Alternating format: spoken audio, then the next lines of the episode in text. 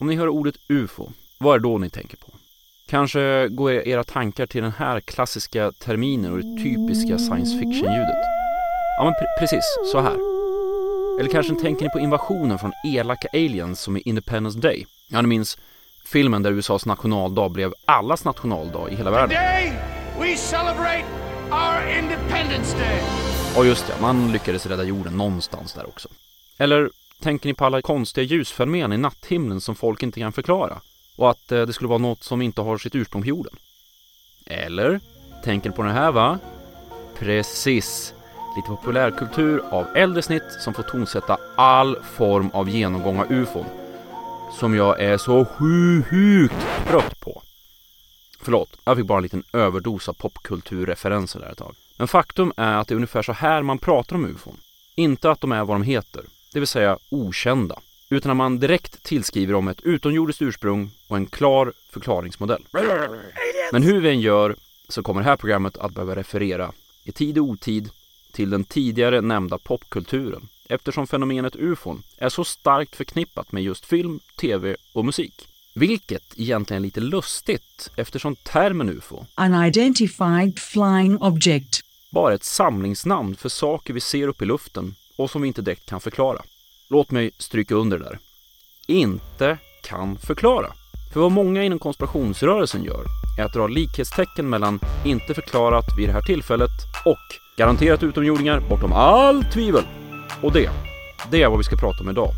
Alla de här händelserna som vid en första anblick kanske ter sig lite, ska vi säga utomjordiska, men som vid en närmre titt med absolut största sannolikhet har sin enklare och mer jordnära förklaring. Ja, jag heter C.J. Åkerberg och ni, ni ska vara välkomna till det här utomjordiskt intressanta avsnittet av Kvalificerat Hemligt. Idag om ufon, utomjordiska kidnappningar och Area 51.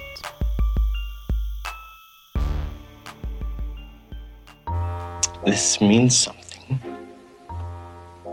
It's. The reproductive procedures are meant to be as quick and as painless as possible. Um, I understand that I'm being a part of um, creating, helping to create a hybrid race. And for as much fear as there is that's, that's centered around that, I understand that we're helping perhaps our life form to continue on in a more advanced state and certainly giving another life form the opportunity to physically reproduce itself. Not a satellite, it's a plane. Barney, what kind of a plane is that? What kind of plane was it? It is right over my right, and it does not go where I thought it would go. Bonnie, I'm asking you a question. What kind of a plane is that? Tell the world. Tell this to everybody wherever they are. Watch the skies everywhere. Keep looking. Keep watching the skies.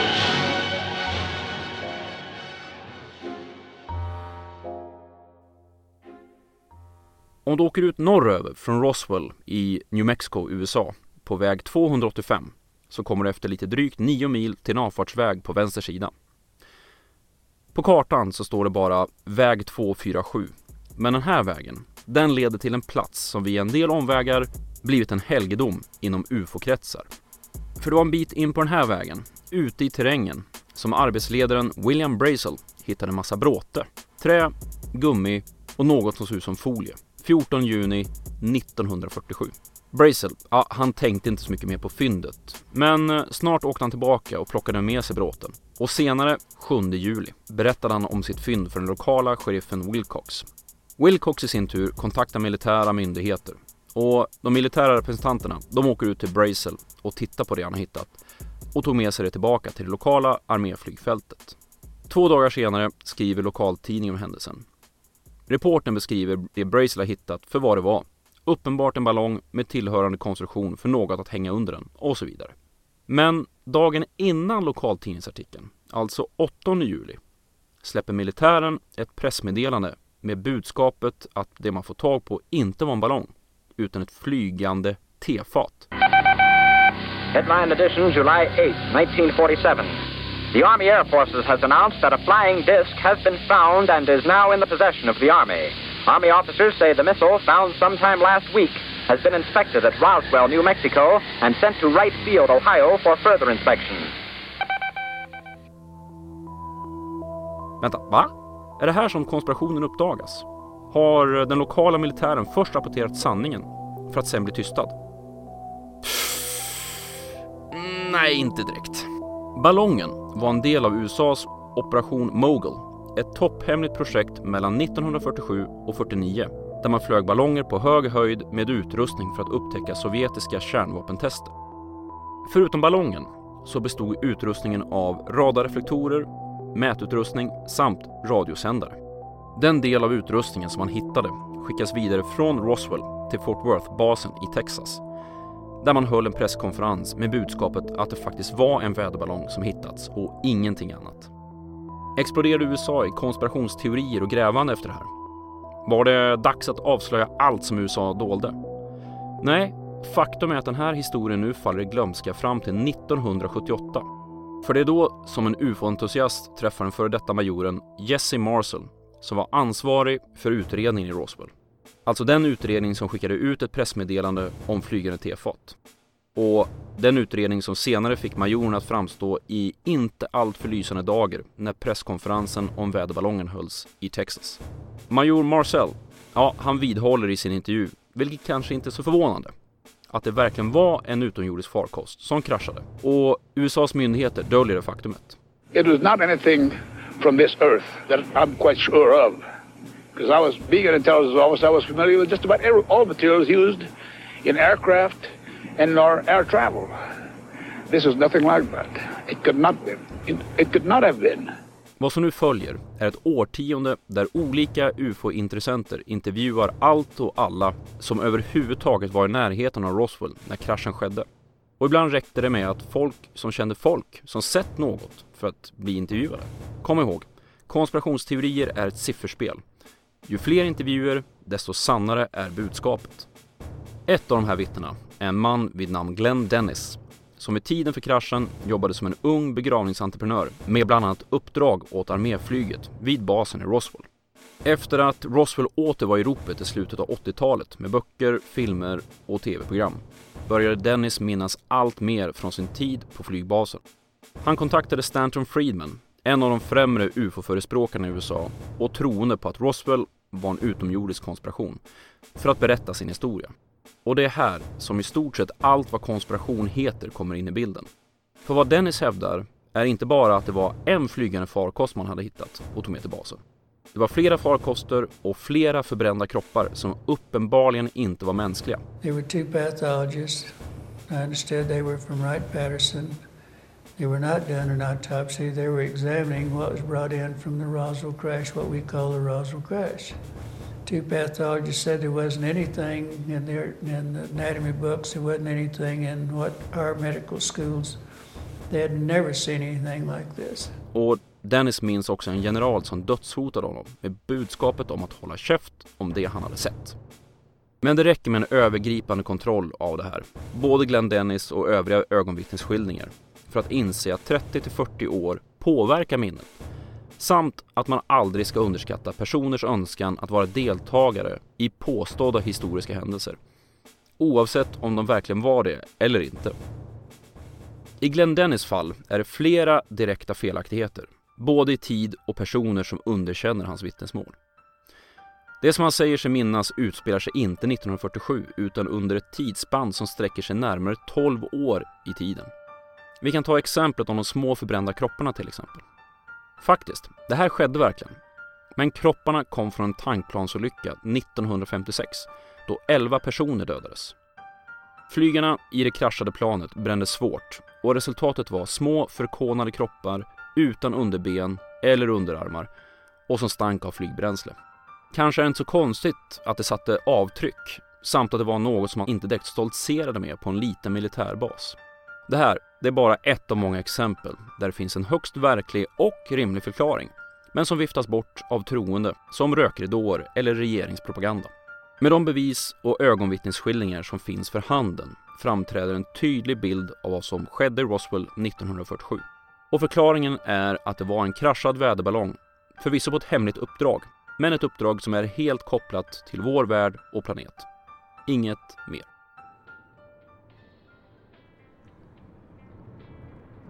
Tisdagen 19 september 1961. Det äkta paret Betty och Barney Hill är på väg hem mot Portsmouth efter en semester i Montreal och vid Niagarafallen. Klockan är halv elva och det är inte så många bilar på vägen. Plötsligt tycker sig Betty se en ljuspunkt som beter sig lustigt. Det ser ut som ett stjärnfall men det rör sig uppåt istället. Paret stannar bilen strax utanför Indian Head, New Hampshire för att kunna se bättre. Vad som händer paret sen är oklart. Men de själva hävdar att de vaknar upp närmare 6 mil därifrån de stannade och flera timmar senare utan något som helst minne av vad som skedde när de hade stannat. Någon dag efter de kommit hem så ringer Betty Hill upp en bekant till familjen som jobbar inom det militära för att rapportera de ljusfenomen de sett. Vännen, major Paul Henderson, berättar för Betty att man haft två andra rapporter om ufon via två oberoende radarstationer. Strax efter den här incidenten börjar Betty drömma mardrömmar om det som skedde. Drömmarna bestod av att deras bil stoppades av små män med mörkt hår och utseende som komikern Jimmy Durante som leder upp paret till ett diskformat skepp och undersöker dem båda innan paret släpps av i sin bil igen. Betty, hon skriver ner de här drömmarna och på grund av dem så besöker paret en hypnotisör. Men det sker först mer än två år efter den påstådda incidenten. Och under de här två åren fortsätter Betty att skriva om sina drömmar och diskuterar även dem ingående med maken och med ufo-sällskap. För Betty, hon kan inte heller riktigt låta vila. Hon tar kontakt med författaren Donald Kehoe som skrivit ett antal böcker om ufon samt är ordförande för NICAP, ett ufo-sällskap. Det här sällskapet kommer att i två omgångar intervjua paret om det som de sagt sig vara med om. Tidig vår 1964 går så paret till en hypnotisör. Och kom ihåg att det här är efter mer än två år av nedskrivande av upplevelserna samt ingående intervjuer och diskussioner med ufo-sällskap. Det är här som det blir än mer intressant, för paret har mycket riktigt samstämmiga beskrivningar av vad som skedde. Men när det kommer till hur utomjordingarna såg ut skiljer sig parets beskrivningar åt. Barney, han beskriver varelserna som korta med grå hud och stora ögon. Alltså det numera klassiska utseendet av det så kallade Little Grey Men. Men som ni kanske också minns beskrev bättre de här varelserna som förvisso korta, men med svart hår och Jimmy Durant-utseende. Men när de fick höra sin makes beskrivning förändrades hennes varelser också och plötsligt var de grå med ögon som sträckte sig ut på sidan av huvudet och små tunna läppar. En fascinerande liten avstickare här är just de små grå männen och deras utseende. För 12 dagar innan parets upplevda händelse visar amerikansk TV serien The Outer Limits. En serie man nog kan placera någonstans mellan rysare och science fiction. Avsnittet The Bolero Shield innehåller just en färglös utomjording med stora mandelformade ögon som väl matchar Barneys beskrivning. How were you able to create a solid cylinder of amplified light? The laser? It is composed of properties almost identical to those which form the atmosphere of my world. Även om det inte går att bevisa att paret sätter avsnittet är det inte en helt orimlig förklaring till Barneys beskrivning av varelserna. De rapporter som militären hade av radarekon under den här tidsperioden som makarna Hill skulle ha undersökts blir också ett problem. För även om de stämmer tidsmässigt så påstod Betty att skeppet ska ha stått på marken medan undersökningen pågick. Det innebär alltså att radarstationerna inte skulle kunna ha sett skeppet. Vad båda radarstationerna däremot rapporterade var långsamma ekon som flög väldigt, väldigt högt. Vilket gjorde att man också drog slutsatsen att det troligen var väderballonger som fångades upp på radarn. Betty Hill var också en person som även innan den här händelsen var fascinerad av ufon. Hon berättade bland annat ofta om hennes syster som hade sett ett flygande föremål redan 1957. Och efter den upplevda händelsen lånade hon böcker om ufon på lokala biblioteket. Maken Barney, ja, han dog 1969. Men Betty, hon levde tills hon blev 85 år gammal och dog 2004. Efter att Barney dött deltog Betty både i konferenser och i olika ufo-sällskaps utflykter för att titta efter flygande tefat. De personer som mötte Betty och såg henne målar upp en bild av en tragisk figur som var besatt av ufon och som såg flygande tefat precis överallt. Till och med bland ufo-fantaster blev hon till slut ett tragikomiskt spektakel. Men det Betty och Barney Hill etablerade var fenomenet med små grå varelser som kidnappar människor, gärna när de sover, tar upp dem i skepp och för upp saker i Ingen diskussion om ufon och utomjordingar är komplett utan att vi går in på Area 51. Alltså den mytomspunna plats ute i Nevadas öken som ägs och drivs av amerikanska flygvapnet. Och även om basen har en egen flygplats komplett med korrekt internationell beteckning tillhör Area 51 formellt sett egentligen Edwards Air Force Base.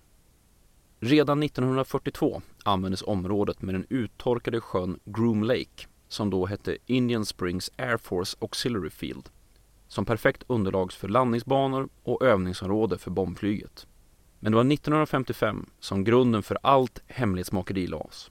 Det var då som amerikanska underrättelsetjänsten CIA började använda Groom Lakes testanläggning för projekt Aquatone.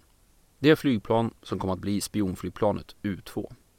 Området var perfekt för att prova hemliga nya flygplansmodeller. Den uttorkade sjöbotten var slät som ett biljardbord och naturen runt om gjorde att man i stort sett var garanterad att inga oönskade besökare skulle kunna dyka upp oannonserat. Under årens lopp användes basen för att utveckla bland annat det extremt högt och snabbflygande spaningsplanet SR-71 Blackbird och det första riktiga stealthplanet F-117 Nighthawk. Men eh, eftersom basen var så pass välskyddad från insyn och med sånt stort luftrum för sig själv fick man också möjlighet att i största hemlighet provflyga tillfångatagna sovjetiska stridsflygplan under 60 och 70-talet. Under senare tid utökade man också basens område för att undvika att nyfikna ska kunna se in över basen från närliggande berg. Framförallt en ås som fram till införlivandet kallades för Freedom Bridge. För närvarande är basen en del av den så kallade Groomboxen. En rektangulär flygförbudszon på 37 gånger 40 kilometer i Nevadas öken. Och inpassering på området är rigoröst kontrollerad. Och det kanske inte är någon nackdel för konspirationstron att det finns skyltar på basens staket som gör klart att de patrullerande vakterna har rätt att bruka dödligt våld mot inkräktare. USAs regering, ja, de håller rent allmänt tyst om vad den här basen gör och om de ens existerar. Man har tillstått att det kan hända att den finns. Dels genom dokumentation från CIA som används inom akademiska studier men också dels 2013 då CIA släppte information om arbete med de tidigare nämnda flygplanstyperna U2 och SR-71 och i deras officiella historia omnämns Area 51 flertalet gånger. Men det här hemlighetsmakeriet är ju kanske inte förvånande. En bas där man testar hemlig teknik som man inte vill ska bli allmänt känd kommer man att vilja hålla hemlig. Men även om basen skulle bjuda in till öppet hus kommer man aldrig ifrån det faktum att konspirationstroende hävdar att det var här som till exempel det icke-existerande flygande tefatet och utomjordingen, eller utomjordingar, från Roswell transporterades. Alla 110 mil mitt framför näsarna på inte bara anställda vid Roswells militärbas och de som jobbade vid Area 51, utan också civilisterna på plats. Visst har det förekommit personer som hävdar att de jobbat antingen vid Area 51 eller till exempel vid Roswells militärbas och som har sett utomjordingar. Men som så ofta tidigare håller inte deras vittnesmål för en närmare granskning. Det kan handla om att de inte alls haft den tjänst de påstått de haft. Eller så blandar man ihop tjänstgöringsår. Eller så fabulerar man helt fritt. En viktig poäng att understryka i den här delen av konspirationstron är att vi kan datera när vissa villfarelser, som till exempel utomjordiska kidnappningar, fick fotfäste både i ufo-mytologin och populärkulturen. Och det sker inte utan friktion, inte ens bland de troende, som exempelvis situationen med Roswell-kraschen visar. Efter att samhället rent allmänt och ufo-intresserade i synnerhet fick upp intresse för Roswell under 80-talet börjar berättelsen att skifta form, beroende på vem bokförfattaren pratat med och vilka slutsatser hen drar. Det går så långt att man på ett antal konferenser under mitten av 90-talet försöker jämka samman de olika bilderna som målas upp i de böcker som publicerats. Men det bildas falanger och man kommer inte fram till något större av värde. Och samma typ av schism återfinns i frågan kring det påstådda regeringsutskottet Majestic 12. Konspirationsteorin, den ser ut så här. 1984 får ufologen Jamie Chandera en film som innehåller bilder på åtta sidor från ett dokument som tycks vara en rapport om Operation Majestic 12. Dokumentet det innehåller information om en kommitté uppsatt av president Truman som arbetar med att dölja vad som skedde i Roswell. Dessutom innehåller dokumentet information om hur utomjordisk teknologi från Roswell har använts och hur USA ska hantera kontakter med utomjordingar framöver. Chandera får, tillsammans med bland andra den tidigare omnämnda ufologen Stanton Friedman, fler anonyma meddelanden, vilka leder dem till att hitta en promemoria i Riksarkivet som faktiskt refererar till Majestic 12-gruppen. Aha! Saken tycks vara klar. Men för de som börjar ögna historien med lite mer skeptiska ögon så är både promemorian och ursprungsdokumentet väldigt simpla förfalskningar. FBI påbörjar en utredning för att undersöka om de här dokumenten är verkliga eftersom om de vore riktiga skulle det vara topphemliga dokument och därmed brottsligt att läcka. Men eh, det krävs inte mycket till undersökning för att se att de här dokumenten inte är äkta. Trumans signatur till exempel, ja, det är en kopia från en annan promemoria från oktober 1947. Och det är nu det blir spännande igen. För UFO-världen delas upp i ett antal läger. En gruppering hävdar att dokumentet bara är falskt. En gruppering hävdar att de är äkta och att anklagelserna bara är ett försök från USAs regering och underrättelsetjänst för att sätta stopp för avslöjandet. Ytterligare en gruppering hävdar exakt samma sak fast tvärtom. Det vill säga, dokumenten är falska, men att de har planterats av USAs underrättelsetjänst för att få UFO-rörelsen att framstå som allmänt okunnig och oseriös. Vad vi ser här är precis samma diskussion som till exempel konspirationstroende i 11 september-rörelsen ägnar sig åt. En gruppering som hävdar något helt otroligt, som exempelvis att kärnvapen ska ha fått World Trade Center-tornen att kollapsa. En gruppering som förnekar det och en gruppering som hävdar att det här är bara en del av konspirationen för att få rörelsen att framstå som oseriös. Kom ihåg, allt går igen. Men hur kommer det sig då att de här myterna håller i sig? Att folk fortsätter återberätta saker som sedan länge har motbevisats eller helt förkastats? En av förklaringarna kan vi tillskriva Ja, men precis. X-Files eller Arkiv X på svenska. Eller rättare sagt popkultur som handlar om utomjordingar och flygande tefat. För är det något som Hollywood varit förtjust i under lång tid så är det just det här temat. Komplett med regeringskonspirationen. Exemplen är oräkneliga på filmer och tv-serier som har ufo-besök som huvudspår eller en del av berättelsen. Och i det ingår alla de klassiska markörerna som att bli bortrövad av utomjordingar och bli undersökt. I know I didn't have an anal probe and I know that I am not under alien control. Till Area 51. Groom Lake, Area 51, where the military has conducted for the past 50 years classified experiments involving extraterrestrial technology. Till Roswell och kraschen där. Roswell, New Mexico. In 1947, our government encountered something. Tack vare betydelsen som film och tv har för oss och vår eh, förståelse för omvärlden, i brist på bättre ord, så har de här idéerna etsat sig fast och blivit en normal del av våra referenser och kunskap. Tidigare till exempel, innan ufo-fascinationen lägrat sig, så pratade folk om att de hade vaknat mitt i natten och inte kunnat röra sig. De eh, berättade om en känsla att bli fasthållen och nästan krossade någons grepp. Det vill säga sömnparalys. Alltså något helt naturligt, ofarligt men extremt obehagligt att uppleva. Då det begav sig, ja, då var det demoner eller häxor som sades ligga bakom det här. Men efter att vårt kollektiva medvetande blivit kraftigt influerad av den här bilden av utomjordingar har nu skulden lagts just hos utomjordingar som förlamar och experimenterar på oss. Hörni, det är dags att vi sätter ner det här rymdskeppet på marken och återvänder till verkligheten för en stund. Vi kan konstatera att idag har termen UFO, oidentifierat flygande föremål, blivit synonymt med flygande tefat. Vi kan också konstatera att UFO-rörelsen drivs av exakt samma typ av föreställningar, snedsteg och blint öga till fakta som övriga konspirationsrörelser. Därmed inte sagt att det inte finns seriösa personer där ute som utgår förbehållslöst från termens ursprungliga betydelse. Det vill säga att något har setts eller uppmätts på himlen och vi vet inte för stunden vad det är.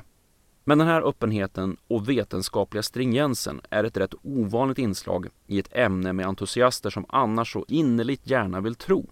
Men som helt saknar bevisen för att det finns skäl att tro. Och efter dagens program kan vi konstatera att de här berättelserna definitivt gör sig bättre på vita duken och på TVn än i verkligheten.